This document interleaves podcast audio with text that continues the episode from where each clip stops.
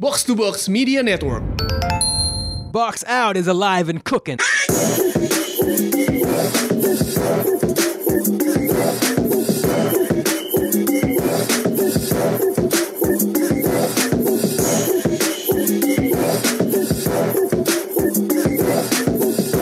Happy Tuesday, selamat datang ke Time Out dari Box Out Podcast segmen lepas di mana kita membahas hal-hal yang berhubungan dengan basket tapi nggak terlalu taktis, nggak terlalu data dan lain sebagainya. Seperti biasa ada gua Raditya Alif, orang baik. Hey, what's up, what's up? Eh, ngomongnya gini kan, Amar gitu kan, Amar. Amar Stoudemire. Amari Stoudemire Gill is in the house. Kali ini kita punya tamu spesial. Siapa lagi kalau bukan dari Asumsi. Iman Syafei aka at Iman lagi. What's up man? Yo, what's up, man? Jadi topik time out kali ini karena ada ya? Iman adalah uh, stance politik pemain-pemain NBA enggak. Kita ngomong soal sepatu basket aja deh. Jadi Ya. just shut up and dribble ya. Iya. um, soalnya Iman ini sebenarnya kolektor sepatu. Eh, ini gue ngomongnya apa nih? Sneakers basket, sneakers ada kategori tertentu atau gimana? nih? Eh, Sebenarnya sih gue mengumpulkan semuanya kecuali sepatu bola ya. Karena ada, karena ada loh eh, orang yang ngumpulin sepatu tuh sepatu bola juga gitu. Oke. Kayak gue bingung loh makainya ya makanya cuma pas main gitu. Ya, gue Cuman- gua, gua sangat menghargai sikap lo untuk merendahkan sepak bola di, di podcast basket kita. Lanjut man. Cuma eh, memang kebanyakan dari koleksi gue konsentrasinya di basket sih. Oke. Ya kan karena eh, ya sebenarnya klasik ya umur-umur kita gitu waktu waktu tahun ya 90-an 2000-an awal gitu nonton basket masih di RCTI kan misalnya gitu masih ada Michael Jordan Ada Iwaka, Haris Sunarsono olahraga. juga. di salah olahraga. Nombok dong.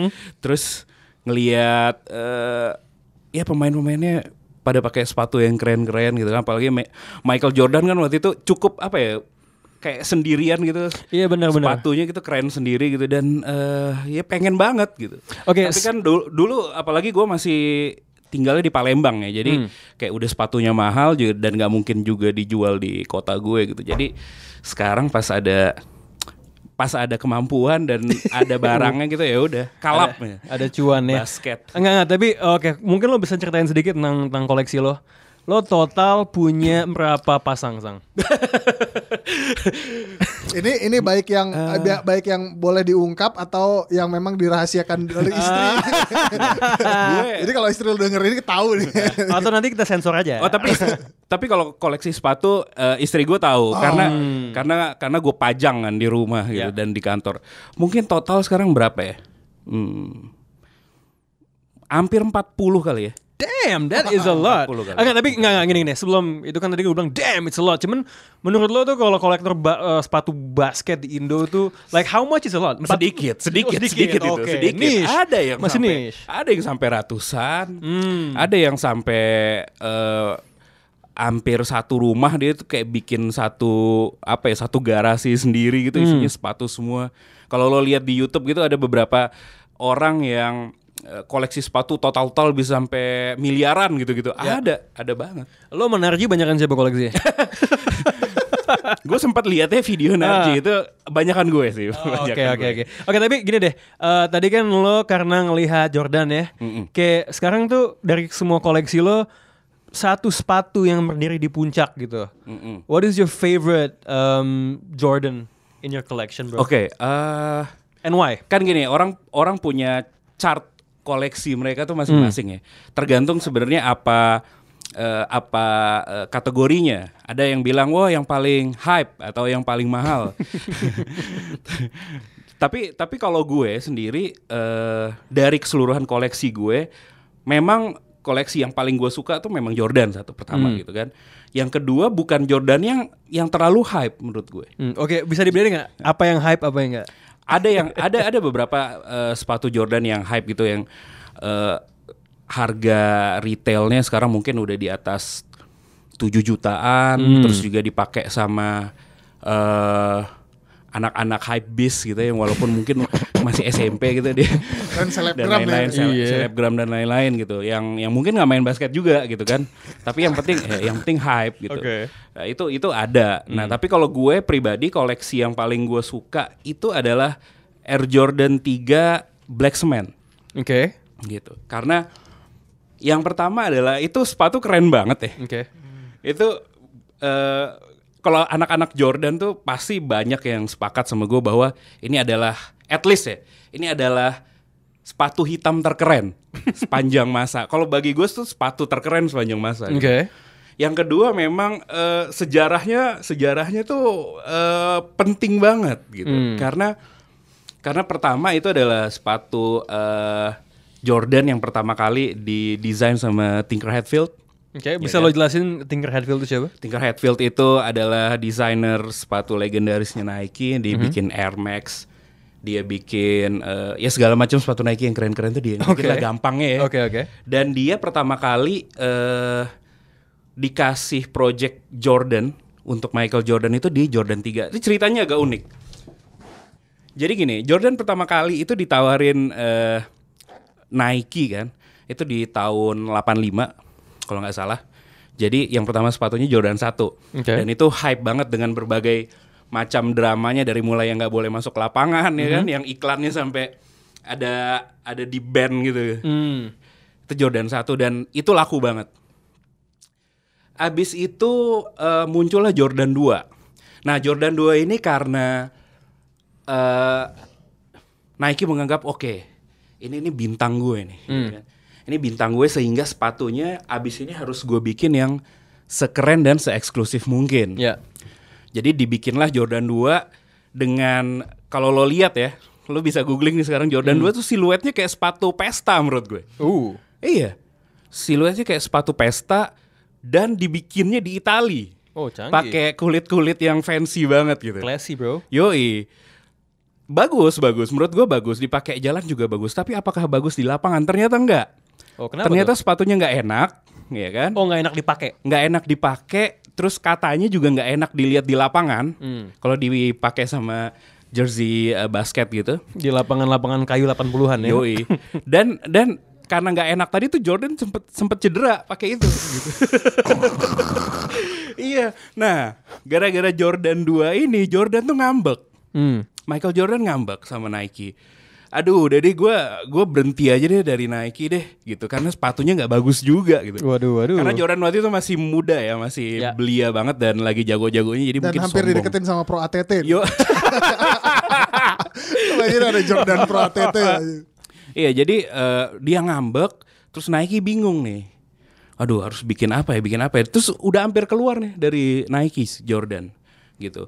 Nah waktu itu eh, belum lama Nike memang baru eh, sign si Tinker Hatfield dan karya pertamanya Air Max ya kan pasti kita tahu semua itu siluet yang sangat eh, legendaris juga.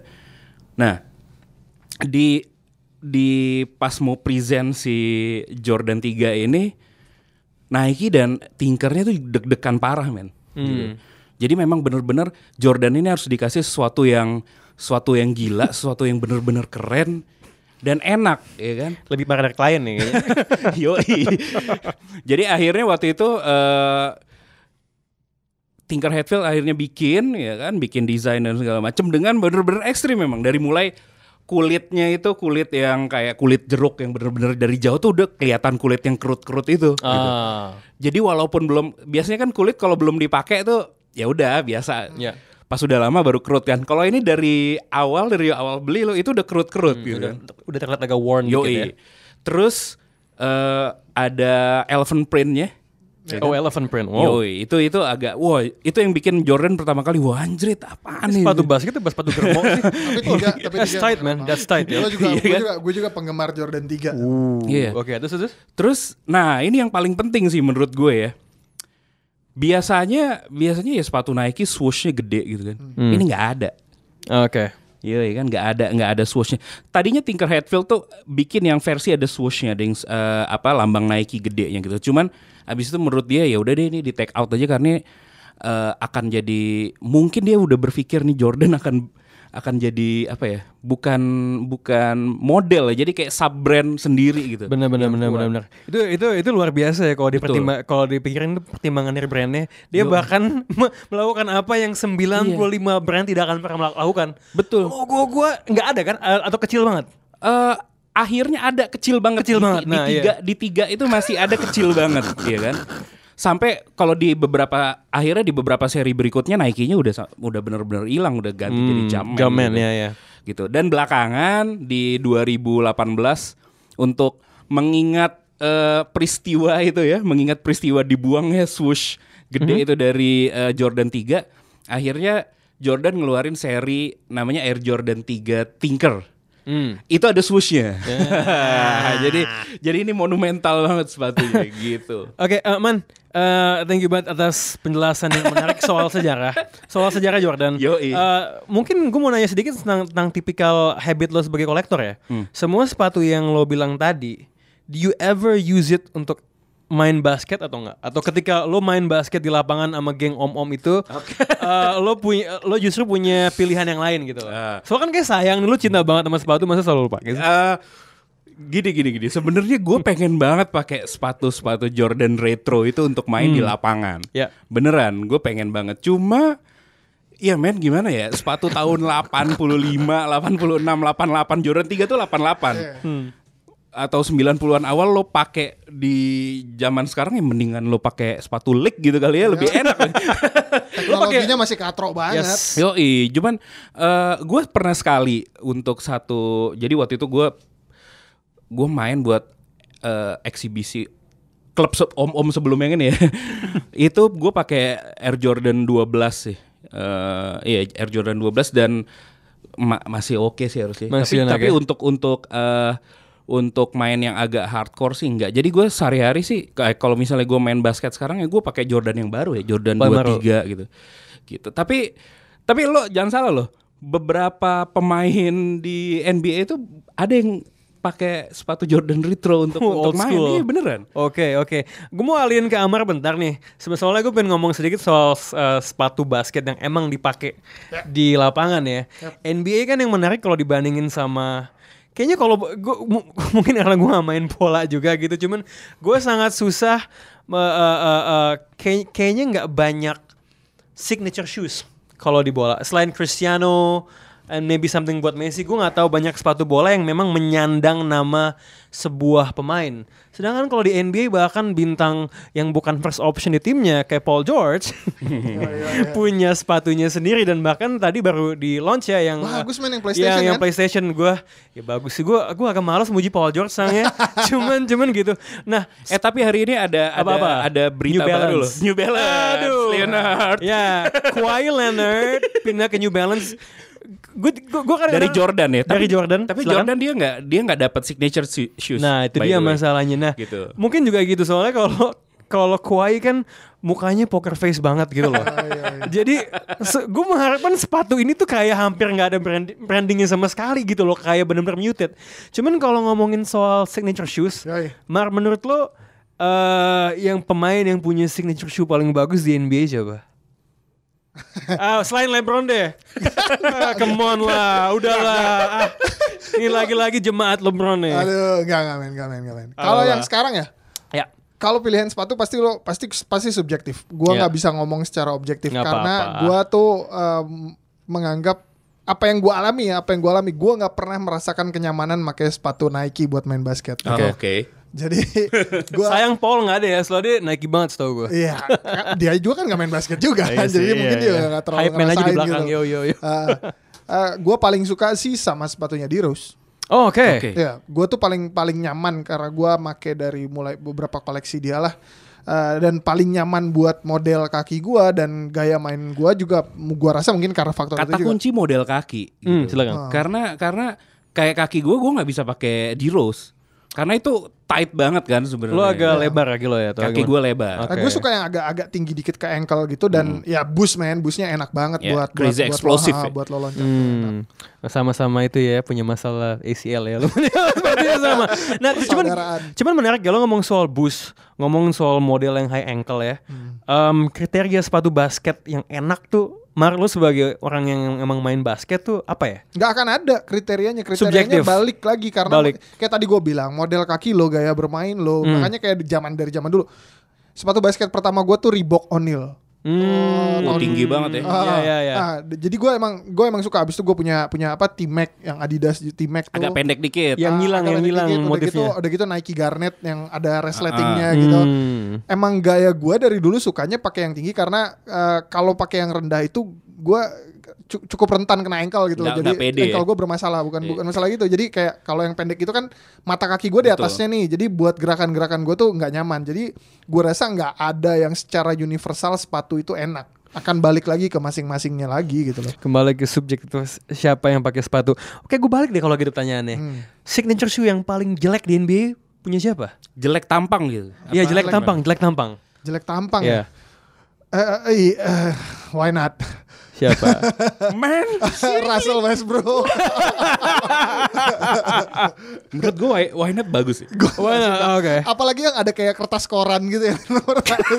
Aduh, nggak deh gue. Gue gue gue ini sih Zo BBB Dia yang sangat overpriced. Dan ya. harganya 450 sangat overpriced. ya. menurut gue jelek banget. Retail price-nya 450 dolar. anjing. Makanya si Lonzo juga akhirnya colongan-colongan pakai Kobe gitu-gitu. Iya. Soalnya juga dia nggak senang juga pakai itu, nggak Iya. nyaman juga dia pakai itu. Iya. Iya. Oke. Gue terakhir barang Nike gue beli Hyperdunk 2017 Nyesel setengah mati anjrit Gue beli emang gara-gara lagi ada diskon waktu itu sih Cuman pas gue pakai buat main anjrit gak enak banget Eh, Mar, tadi kan soal signature shoe ya. Kalau misalnya ada pemain NBA yang menurut lo pantas punya signature shoe eh, yang yang belum punya dan pantas tuh siapa yang paling pantas? Dan follow up questionnya adalah menurut lo sepatu dia tuh akan kayak apa?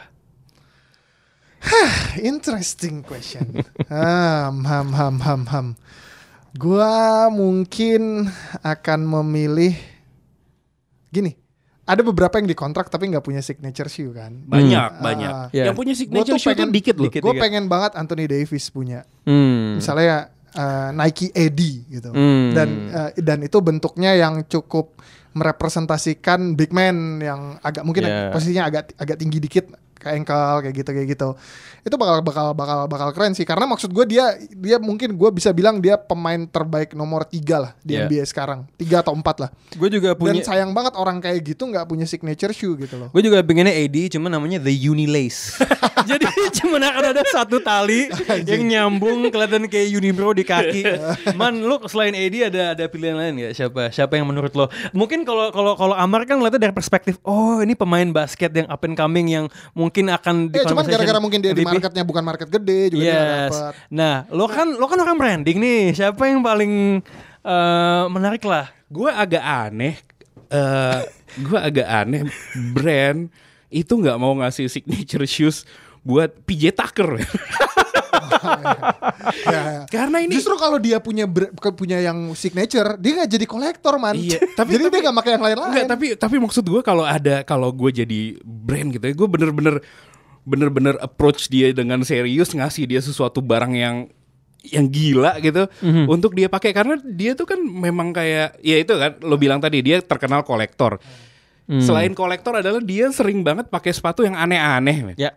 Yang gue bilang tadi ada pemain NBA zaman sekarang yang mainnya pakai Jordan Retro tuh salah Kayak- satunya kayaknya dia. ngeliatnya sakit gitu. iya dia dia sampai dia pernah pakai dia pernah main pakai Jordan 9 kalau nggak salah yang tahun 2000 berapa gitu eh sorry Jordan 13 keluaran tahun 2002 itu abis di abis main hancur sepatunya.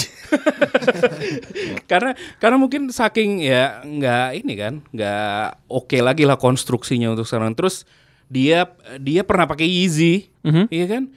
Terus eh, belakangan pakai ini yang paling yang paling baru dan paling hype nih eh, Nike Air Fear of God.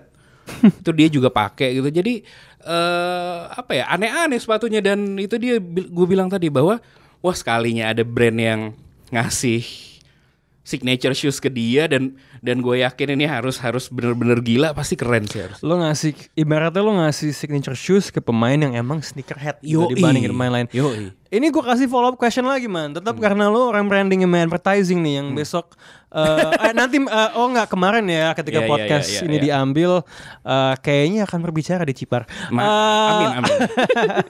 Enggak, em, kalau lo disuruh mengawinkan sebuah brand Hmm. sama sepatu PJ Tucker, Hmm. lo akan milih brand apa? Eh gue mungkin akan milih brand-brand brand-brand ini ya.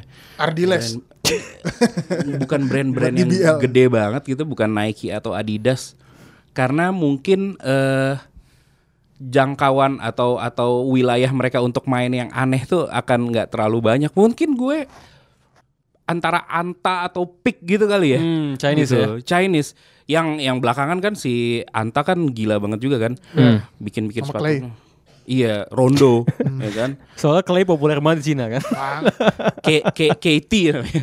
Jadi si Anta tuh kan eh, KT R RR gitu-gitu kan. Hmm. Menurut gue, menurut gue Anta dan karena gue ngelihat dari beberapa eh, sepatu yang dibikin buat eh, jadi signature shoes beberapa pemain gitu, itu lumayan aneh-aneh. Atau eh, sepatunya eh, siapa ya? Wade mungkin ya itu juga, itu juga iya itu juga agak agak-agak Dia leaning bukan sih? Eh bukan. ya? eh, leaning, leaning, Leaning. leaning. Itu itu itu Sempet seru loh. Converse dulu kan dia. Itu Iya, seru loh sepatunya.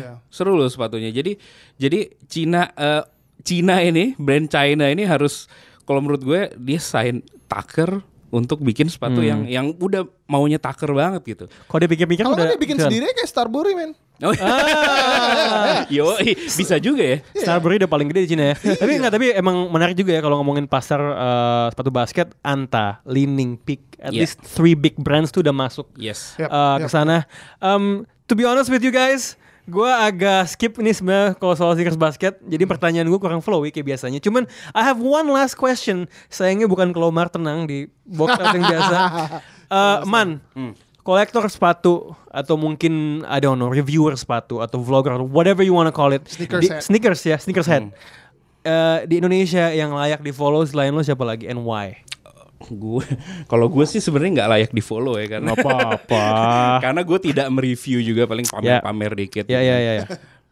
eh reviewer sepatu yang menurut gue paling rapih eh sekarang sih tapi sayangnya dia nggak spesialis basket ya Anugrah Aditya sih Aditya Logi itu karena Oh, itu karena dia eh, rapi banget tadi dia penyanyi. Yoi, Oh, oke, Aditya. Be Mine, men. Sekarang Oke. dia di reviewer sepatu.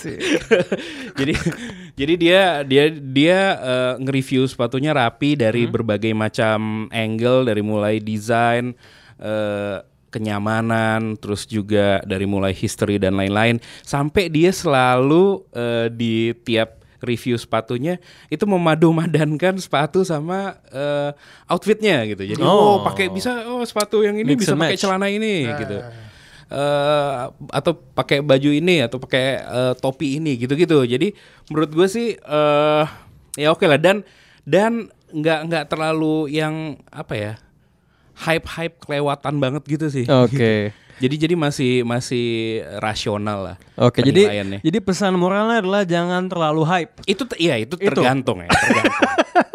tergantung. Subjektif. sub- Oke, subjektif. subjektif hype. Oke, on that note, uh, thank you Amar as usual. Thank you banget Iman udah main Siap, siap. ke Time Out Box Out. Uh, kapan-kapan main lagi kalau temanya politik atau 2K19. Nah, Nah, bisa ya. tema Apa? tema berikutnya Apa? gimana caranya Iman sebagai orang yang ngerti soal brand membangkitkan brand-brand sepatu yang udah mati. Ah. Kayak Converse buat basket ya. Ah. Converse basket kan dulu sempat sempat berjaya tuh. Iya. Dada Supreme. Dada Supreme, Iya LA, Gear. Gear. N1, N1, N1, Yo, bro. N1. Atau misalnya lu pernah tahu nggak ada merek sepatu Warner Bros? Enggak tahu. Oh, itu dia. Wah. Siapa ya kalau nggak salah dulu Rice yang Glenn Utah Rice. Jazz, Glenn, Glenn Rice. Glenn Oh, Glenn Rice. Itu oh, itu Hornets ya? itu ada eh, sepatu mereknya Warner Bros. Jadi benar-benar dari War- Warner Brothers. Warner Bros kampret dia bikin bikin sepatu buat Glenn Rice, bikin film MJ yang datang. Aduh. Oke, anyway, thank you man. See you Yes. again next time. It's been a blast. Thank you, man. Uh, see you. Time out is out of time.